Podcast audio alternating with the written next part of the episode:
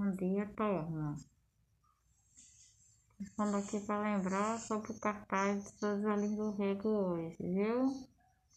A sua biografia e suas obras principais. Até logo!